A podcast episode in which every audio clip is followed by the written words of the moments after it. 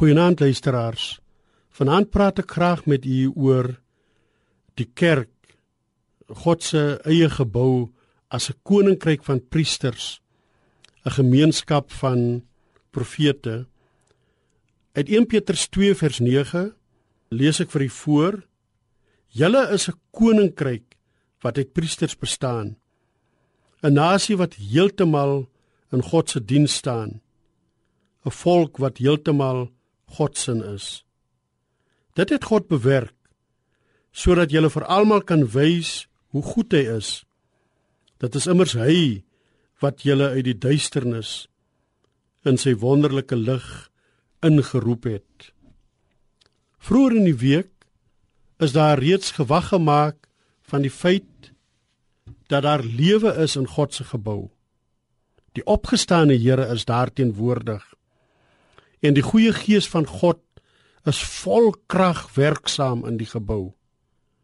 Daar word met lofprysing en aanbidding voor God gekom. Mense hoor die woord. Dis 'n wonderlike viering wat daar gebeur. En mense se harte is met blydskap vervul. Maar die gebou is allermins 'n wegkruipplek.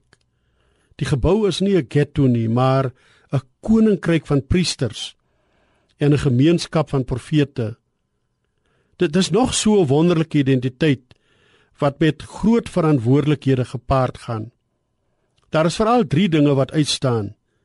Dis 'n koninklike lewe, nie so seer oor die swier en die mooi dinge nie, maar dis 'n lewe van oorwinning oor die sonde.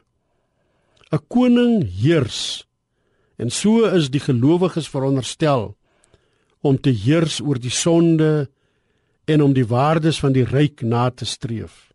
Geregtigheid, vreugde en vrede. Die mense van die gebou is priesters wat die laste van ander moet help dra. Hulle betoon diep medelee met die swakhede van ander. Maar hulle praat ook eerlik. Hulle verkondig die waarheid. Hulle stel sonde en onreg aan die kaak.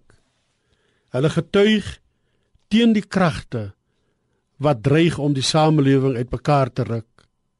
Hulle is God se konings, priesters en profete.